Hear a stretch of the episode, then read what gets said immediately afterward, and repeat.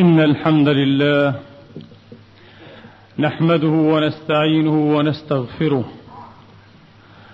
ونعوذ بالله من شرور أنفسنا وسيئات أعمالنا من يهده الله فلا مضل له ومن يضلل فلا هادي له وأشهد أن لا إله إلا الله وحده لا شريك له وأشهد أن سيدنا ونبينا وحبيبنا محمدا عبد الله ورسوله وصفوته من خلقه وأمينه على وحيه ونجيبه من عباده. صلى الله تعالى عليه وعلى آله الطيبين الطاهرين وصحابته المباركين المنتجبين وأتباعهم بإحسان إلى يوم الدين وسلم تسليما كثيرا. عباد الله أوصيكم ونفسي الخاطئة بتقوى الله العظيم ولزوم طاعته كما أحذركم وأحذر نفسي من عصيانه ومخالفة أمره.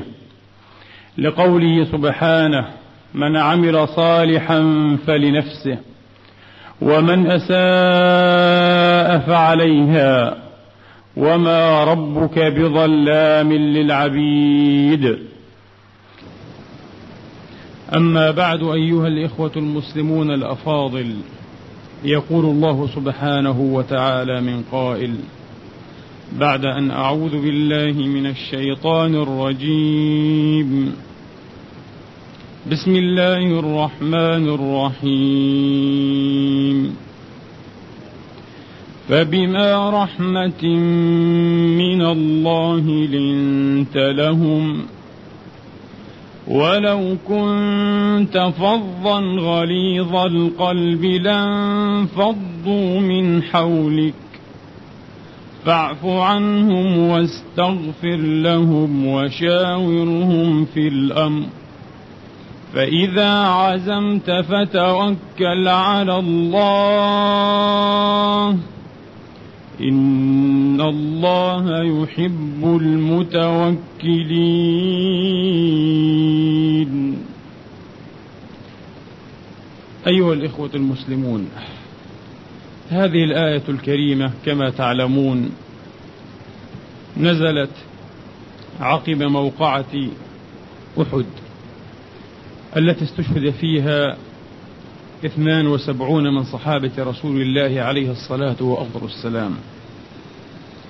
وكان رسول الله عليه الصلاة وأفضل السلام قد خرج إليها نزولا على رأي الأكثرين من شباب الصحابة الذين فاتهم شرف مقاتلة أعداء الله في معركة بدر فتوثبت نفوسهم وتحركت همامهم واشتدت عزيمتهم أن يقاتلوا أعداء الله في موقعة أخرى. وقالوا يا رسول الله لا يرى أعداؤنا أن جبنا عنهم وضعفنا نحن نخرج إليهم. وكان من رأي النبي عليه الصلاة وأفضل السلام أن يعتصم هو وأصحابه بالمدينة. فإن دهمها عدوان أو صال عليها صائل ردوه. لكن هذا الرأي كان هو رأي الكثرة الكافرة من شبان الصحابة رضي الله تعالى عنهم وأرضاهم أجمعين فعزب النبي عليه الصلاة وأفضل السلام على الخروج.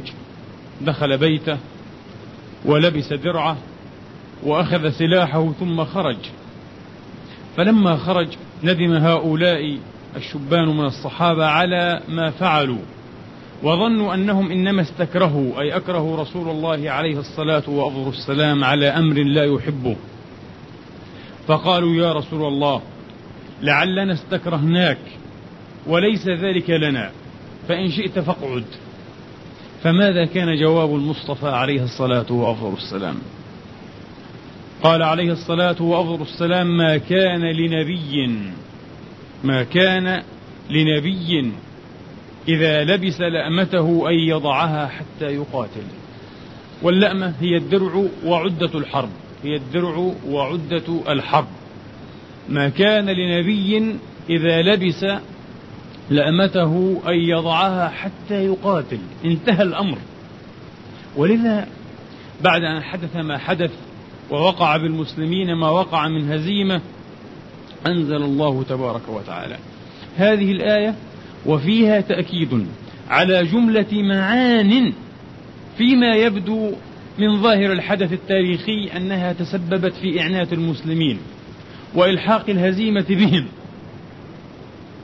قال سبحانه وتعالى فاعف عنهم واستغفر لهم وشاورهم في الأمر.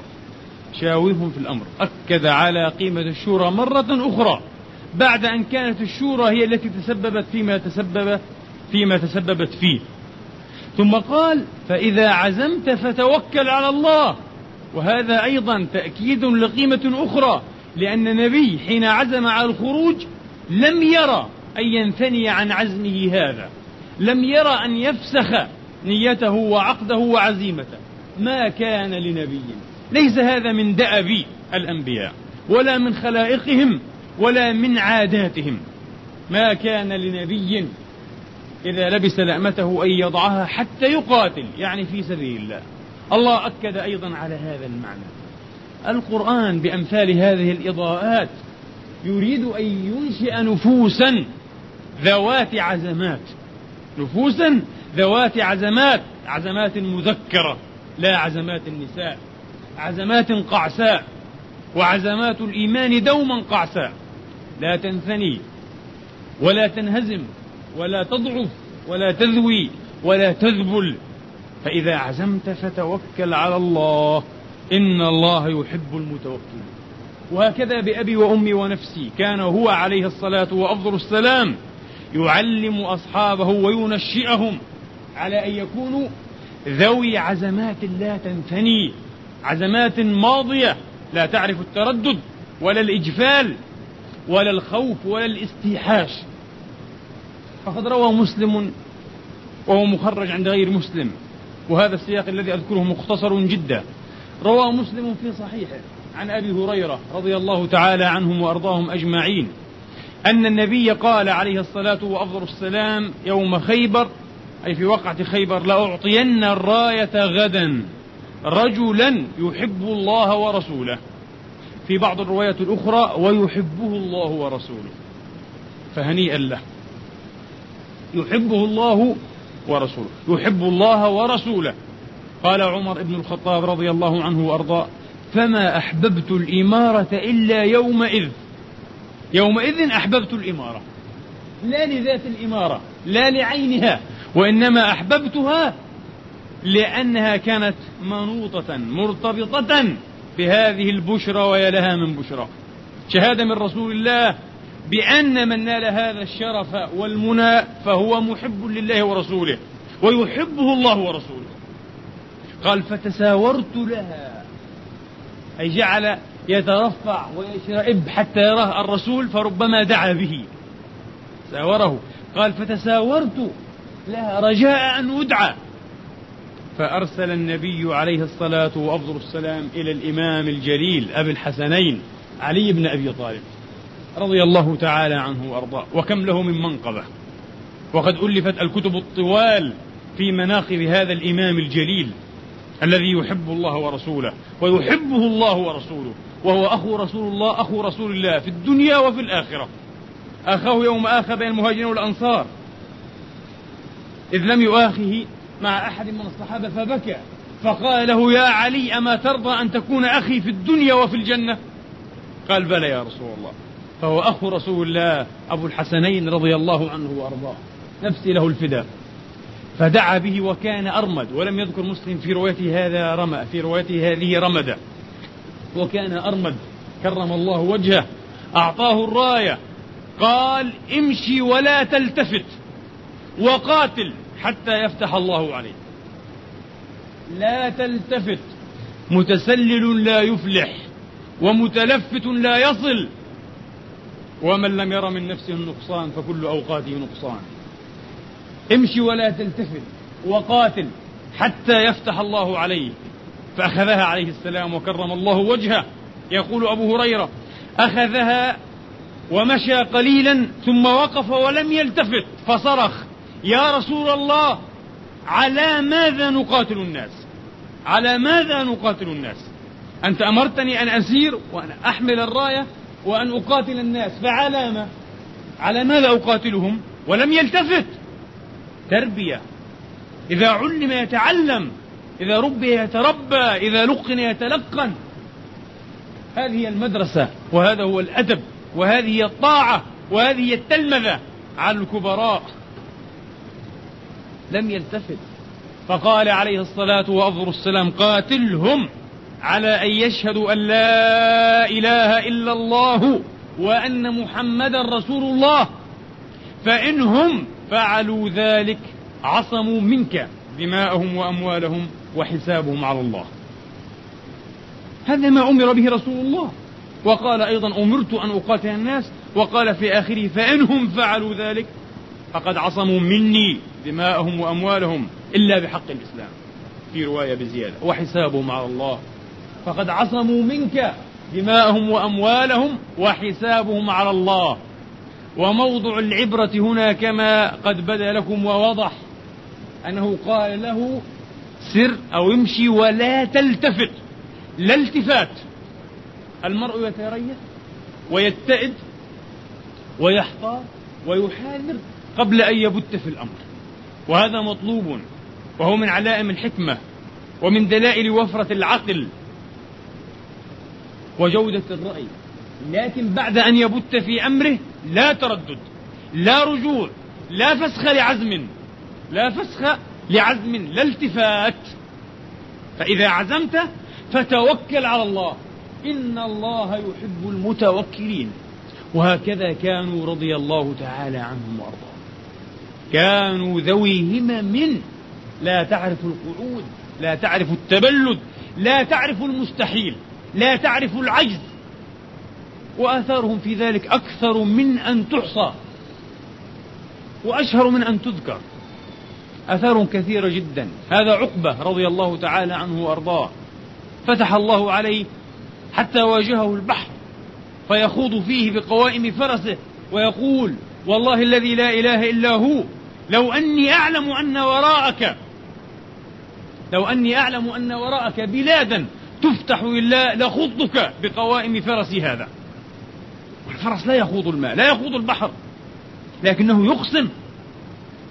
إنه أيضا من نفس المدرسة تلميذ من هؤلاء التلامذة النجباء الألباء الذين لا يعرفون المستحيل لا يعرفون الصعب. لا مستحيل على الإنسان. في فلسفة الأخلاق الإسلامية الفلسفة ليست المفعولة التي نعيشها.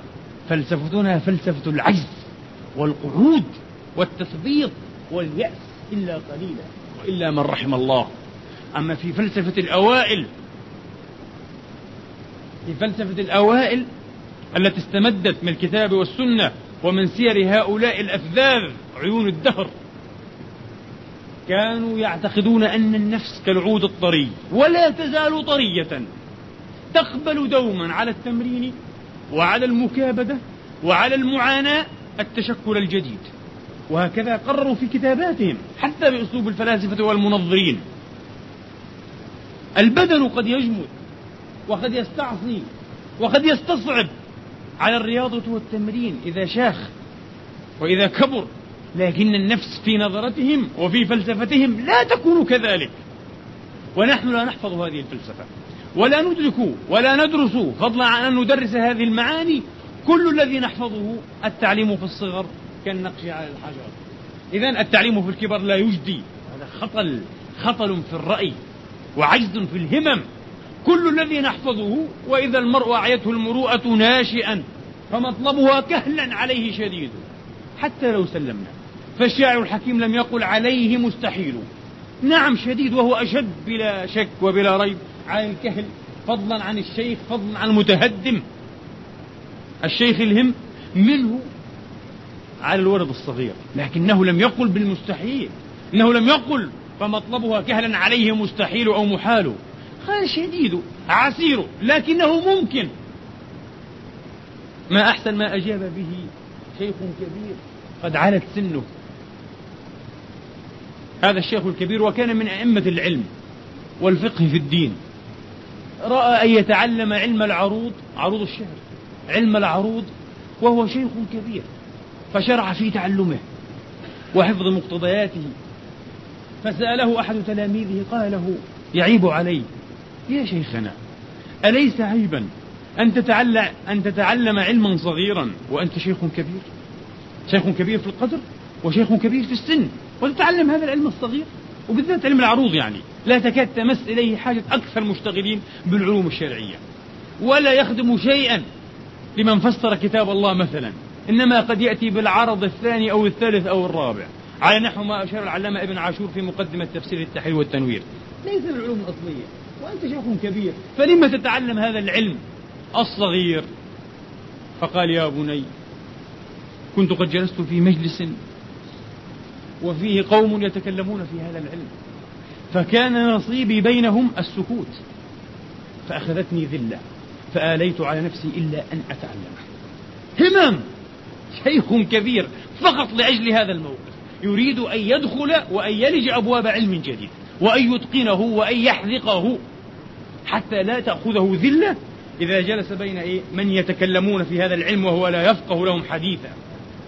وأما نحن الآن فلا نعرف إلا قصر وأوضح وخير الكلام ما قل ودل ولا نفقه عنك شيئا. نحن جهلاء لا نفقه. لماذا لا تتعلمون؟ هذا هو الذي ربونا عليه. ربونا على أمثال هذه المعاني. خير الكلام ما قل ودل وضح وبالأمثلة وصرح. فإن لم يوضح ولم يصرح فنعترف بجهلنا ونرضى بهذا الاعتراف ونقيم على هذا الجهل. فأين الهمة؟ أين الإرادة؟ أين النفوس الحرة؟ قال الفاروق عمر رضي الله تعالى عنه وأرضاه. قال لا تصورن همتك فإني لم أرى أقعد بالرجل من صغر همته. أكثر ما يقعد بالرجل صغر الهمة. يقعد به حتى يظل صغيرا. قال عليه الصلاة وأفضل السلام ولا يزال أقوام يتأخرون حتى يؤخرهم الله. أتغيظ على الذي يتأخر حتى في صف الصلاة وليس بالأمر الهين. الصف الأول يقول في فضلته نبينا عليه الصلاة وأفضل السلام لو تعلمون ما في أي من الخير والدرجة والكرامة ثم لم تجدوا إلا أن تستهموا عليه أي بالقرعة. لفعلتم. ونحن نتأخر. نخجل أو نستحي أو نجهل أو لا نحرص. أو الهمة قاعدة غافية نائمة. النبي قال في أمثال هؤلاء الذين يتأخرون في صفوف الصلاة ويتأخرون في مجالس العلم. لا يحضرون مجالسه أو إذا حضروا يتباعدون من المجلس. لا يثافنون العلماء بالركب. قال لا يزال أقوام يتأخرون حتى يؤخرهم الله. سيظلوا صغراء سيظلوا صغيرين مقموعين لأنهم رضوا لأنفسهم بمؤخرة الصفوف أن يقتعدوها لا بالمقدمة فضلا عن الذروة والأوج. إنما بالمؤخرة. رضوا لأنفسهم أن يظلوا في المؤخرة حتى يؤخرهم الله. والجزاء من جنس العمل. والجزاء من جنس العمل. إن الله يحب معالي الأمور يقول عليه السلام ويكره سفسافها يحب المعالي. ولقد قال حكماؤنا لله درهم. قالوا في تعريف عظم الهمة وكبر الهمة. قالوا هي أن يستصغر المرء ما دون النهاية من المعالي. فعظيم الهمة وهو عظيم النفس لا يرضى بالغاية الوسطى فضلا عن أن يقنع بالبداءة الأولى من معالي الأمور. إنه لا يقف ولا يرضى ولا يفرخ روعه ولا يلذ له المقام إلا إذا وصل إلى الغاية إلى الأمد الأقصى إلى الغاية الأبعد. هذه هي الهمة الكبيرة. وتريد معاناة وتريد مخاطرة وتريد ركوب أهوال. قال الشيخ الإمام محمد الخضر حسين التونسي الذي كان شيخا للأزهر في وقته انتخب بالاختبار. فتحصل نتيجة الاختبار أنه أفقه علماء الأمة الإسلامية. فصار شيخا للأزهر ولم يكن مصريا. فرضي الله عنه ورضي الله عن المصريين. الذين تواضعوا هذا التواضع وأنزلوا الناس منازلهم ولم يتعصبوا لأنفسهم ولا لعرقهم. هكذا كانوا. كان شيخا للأزهر يقول رحمة الله تعالى عليه وفي الحقيقة إن الناس أصناف أي في هذا الباب. صنف من الناس يرى في نفسه الكفاية للعظائم فهو يجعل همه هذه العظائم. وهذا الذي يقال في مثله إنه عظيم الهمة أو عظيم النفس. إنه عظيم الهمة أو عظيم النفس. وصنف ثان من الناس في نفسه الكفاية للعظائم أي خلقه الله وفيه الكفاية أن يطلع وأن يتجشم أعباء العظائم لو أراد إلا أنه يدسي نفسه ويسفل بها ويرضى لها الصغائر واستفساف من الأمور. للأسف دع المكارم لا ترحل لبغيتها. واقعد فإنك أنت الطاعم الكاسي هو يؤمن بهذا المنطق.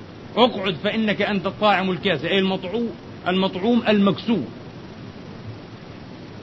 قال وهذا الذي يقال في مثله إنه صغير الهمة أو صغير النفس. نفس أضاق الله بالخير باعها. ألا تعست هذه المعاطس؟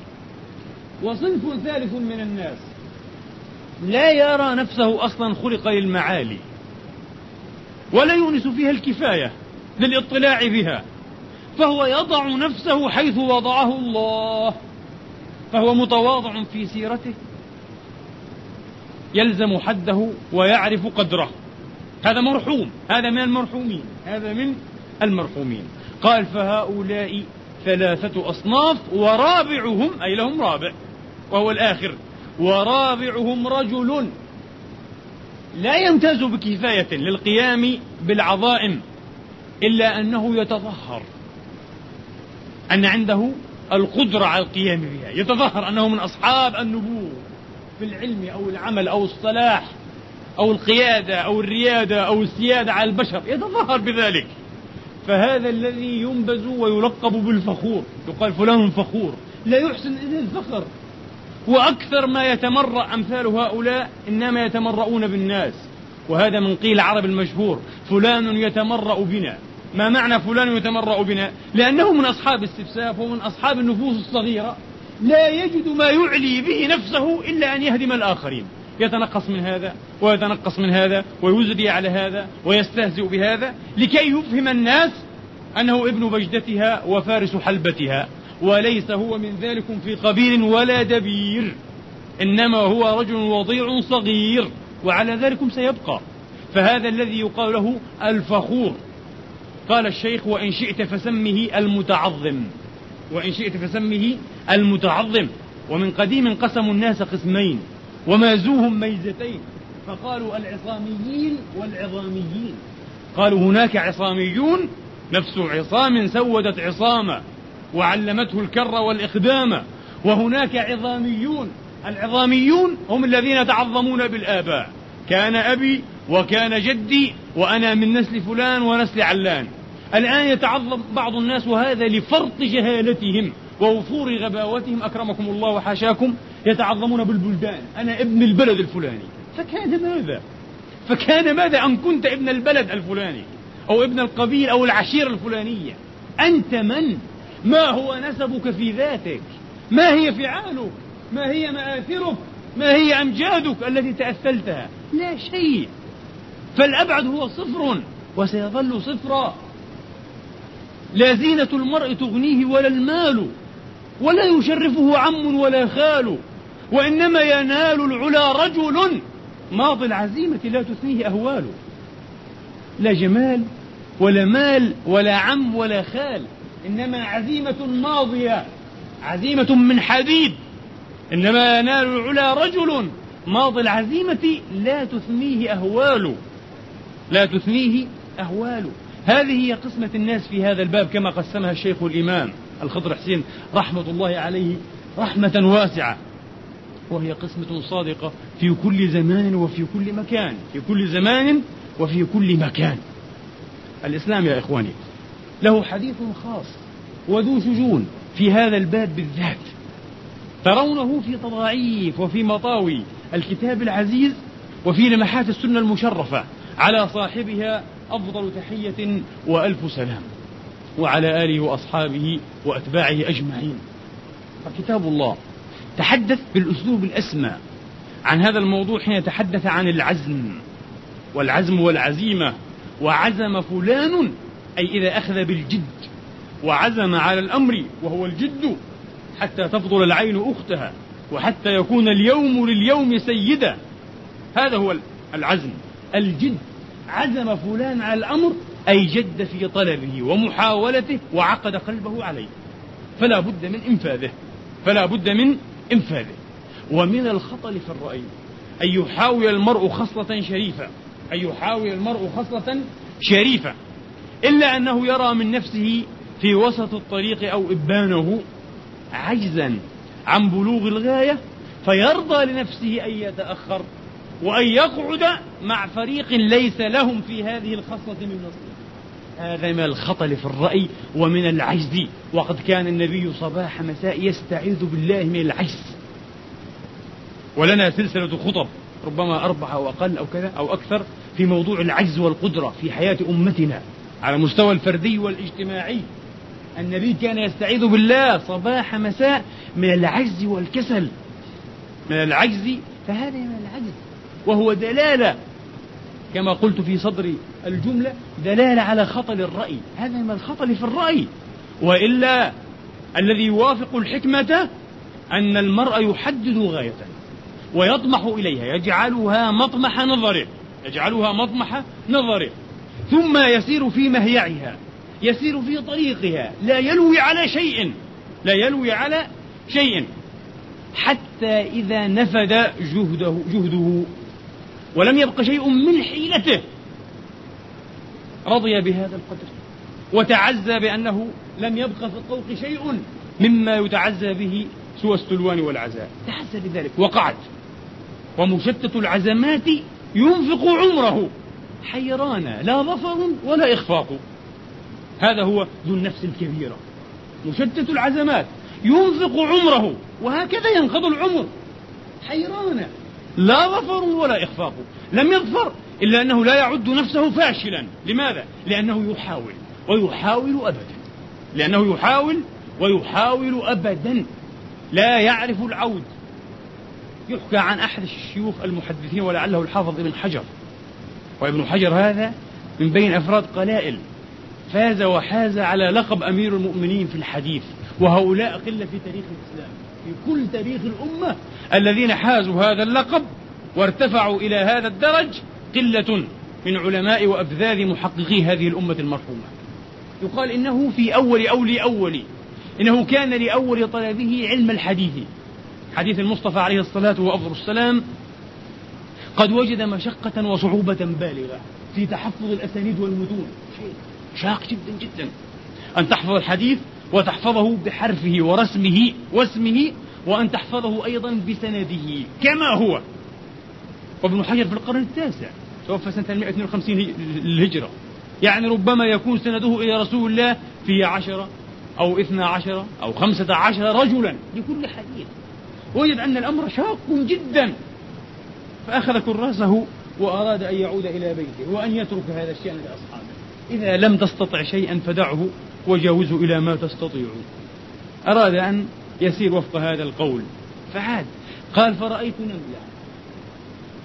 رأيت نملة وفي فمها شيء من طعام شيء من رزق ساقه الله إليها وهي تصعد به تلة. تلة كبيرة نسبيا بالنسبة للنملة طبعا تلة. ثم تقع إلا أنها تحاول ثم تقع إلا أنها تحاول حتى نجحت. وحققت ما تريد. قال قلت هذه رسول. أو بمعنى ما قال أرسله الله إلي. مش رسول بوحي. أبدا. رسول عبرة وفكرة. رسول تذكير. آية. أراه الله إياها آية. لكي يقول له لا يصح ولا ينبغي. بك يا مؤمن بالذات يا مؤمن. يا مسلم يا إنسان. أن تكون أضعف عزما وأوطأ وأرذل همة من نملة. قال فانعقد مني العزم على أن أتعلم. قال وعدت وتعلمت وصار إمام الدنيا في عصره. كان أئمة عصره رضي الله عنهم أجمعين يفتخر أحدهم بأنه ينتسب إليه. أي بالتلمذة يقول أنا تلميذ الحافظ. وإذا أراد أحدهم أن يثني على أخيه وأن يفضله على نفسه قال أنت والله أولى بشيخنا أي تلميذا له أولى بشيخنا مني. أنت تلميذه أكثر مني أنا تلميذا له. فيشرفه على نفسه. يفتخر العلماء بالتلمذة على هذا العالم والتلمذة له رضي الله تعالى عنه وأرضاه. نملة تعلم من نملة. فكيف تقعد همتك يا مؤمن؟ المؤمن لا يعرف العجز. قال عليه الصلاة وأفضل السلام في الحديث الذي أخرجه مسلم وعلمونا إياه صغارا وما زلنا نردده وقد لا نفقه منه إلا القليل. المؤمن القوي خير وأحب إلى الله من المؤمن الضعيف. علمونا أن القوة ظاهر الحديث يحكي أنها قوة البدن. كلا. سياق الحديث ومعناه ومن تأمله لا يمكن أن يفيد هذا المعنى. صحيح هذا من معنى القوة ويدخل فيها. لكن الذي أراده النبي ضربا آخر من القوة قوة العزم قوة الهم قوة الإرادة. المؤمن القوي خير وأحب إلى الله. المؤمن القوي في بدنه. العظيم السرعة كما قال النبي السرعة هو بطل المصارعة. عاوزا فعل همزة لمزة السرعة هذا السرعة قد تصرعه حشرة قد يقتله ميكروب أو فيروس أو بكتيريا أليس كذلك؟ قد يصرعه ثور أو يصرعه بغل أكرمكم الله. فكان ماذا؟ لكن إنما الشديد الذي يملك نفسه عند الغضب. وامتلاك النفس عند الغضب تقتل به الدماء وتحفظ به الفروج ويتحقق به الأمن في المجتمع. خصلة عظيمة. فيها قوة حقيقية للمجتمع وشد لأسره أكثر من قوة الأبدان بكثير وإن كانت أيضا مطلوبة قوة الأبدان. وفي كل خير احرص على ما ينفعك واستعن بالله ولا تعجز.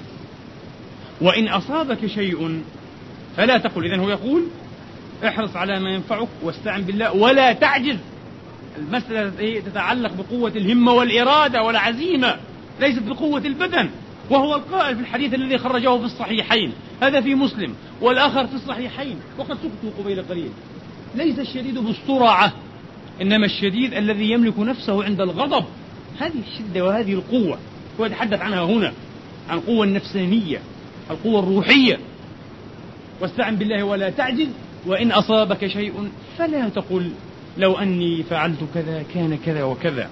ولكن قل قدر الله وما شاء الله فعل. فإن لو تفتح عمل الشيطان. وقد أخرج الترمذي عن أبي يعلى شداد بن أوس رضي الله عنهم وأرضاهم أجمعين. وأظنه صححه أو حسنه على أقل تقدير. قال قال عليه الصلاة وأفضل السلام الكيس والكيس ضد العجز. الكيس من دان نفسه وعمل لما بعد الموت.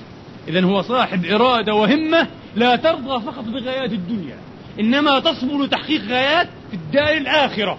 عند الله في مقعد صدق عند مليك مقتدر. كبرت همة عبد طمعت في أن تراك.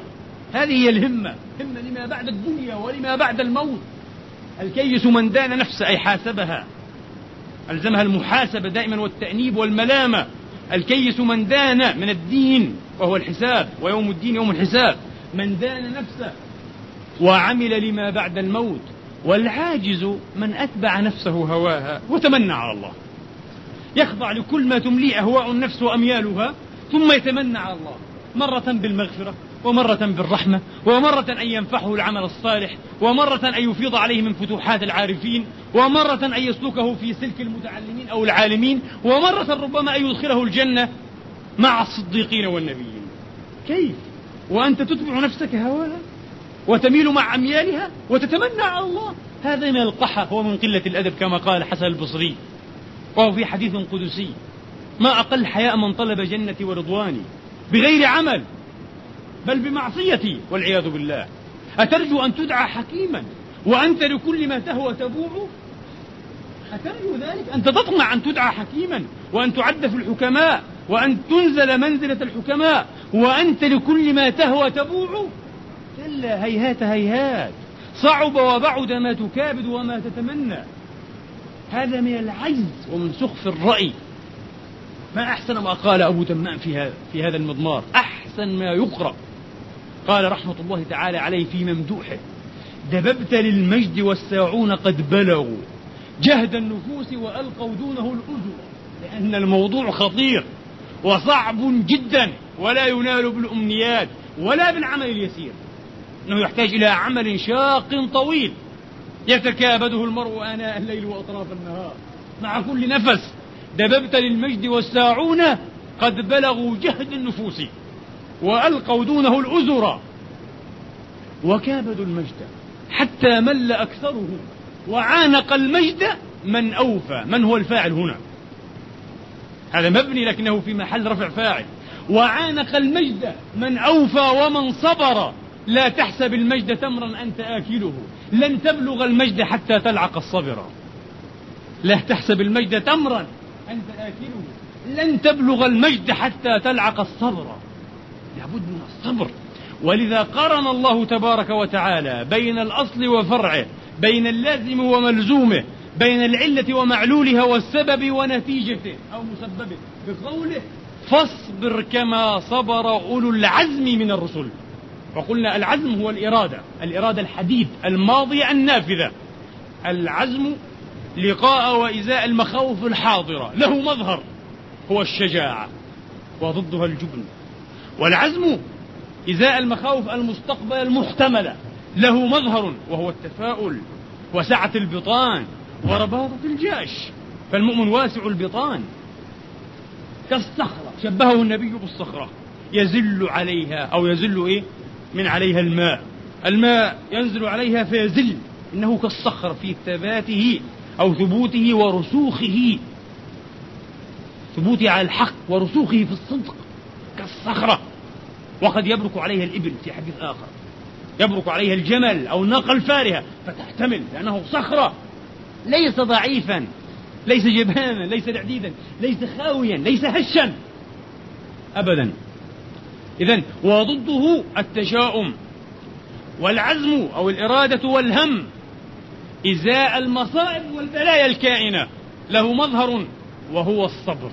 فاصبر كما صبر أولو العزم من الرسل. ولمن صبر وغفر إن ذلك لمن عزم الأمور.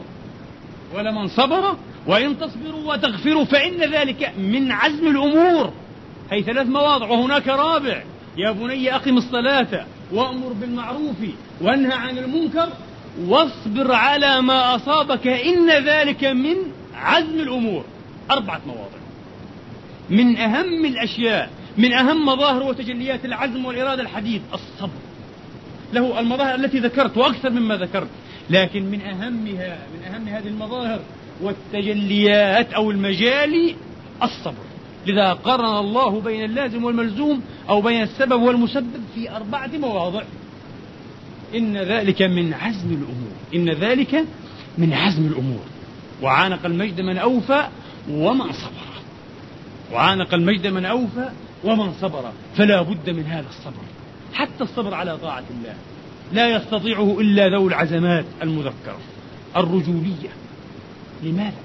لأن الدنيا في نظرهم وفي وهمهم إن هي إلا ساعة وعما قليل تنقضي. فإذا انقضت تحرروا من رق التعب ومن رق المكابدة. لقد خلقنا الإنسان في كبد وصاروا أحرارا في نعيم الرضوان وفي ساحة القربان الإلهي هناك يصيرون بصرت بالراحة الكبرى فلم أرها تنال إلا على جسر من التعب لا بد من تعب حتى ترتاح. ولا راحة لمؤمن في الدنيا. هكذا نطق المصطفى عليه الصلاة والسلام. إذا همته تفهمه أن راحته عند الله. فلا بد من تعب متواصل في هذه الدنيا. أقول لبعضهم غدا يوم عرفة. اليوم الجمعة. هذا اليوم المبارك. اجتمع فيه أن يكون يوم عرفة وأن يكون يوم جمعة. يوم عظيم من أعظم أيام الله. أقول له لا تنسى أخي أن تصوم غدا. فهو عرفة. من صامه كفر الله عنه ذنوب سنتين ماضية وباقية. أي سنة ماضية وسنة قادمة أو جائية. ضحك. قال إن شاء الله. قلت له إياك إياك أن تفرط. ذنوب سنتين يا عبد الله. لكن علمت أن الرجل ليست له همة ليست له إرادة ليس له صبر على الخيور والمضرات. هذه نفس كما قلت أضاق الله بالخير باعها والعياذ بالله. ما في همة ما في تدريب ما في تربية. ومن ذا يفرط في مثل هذا الأجر الجزيل؟ والعطاء الكريم الكبير.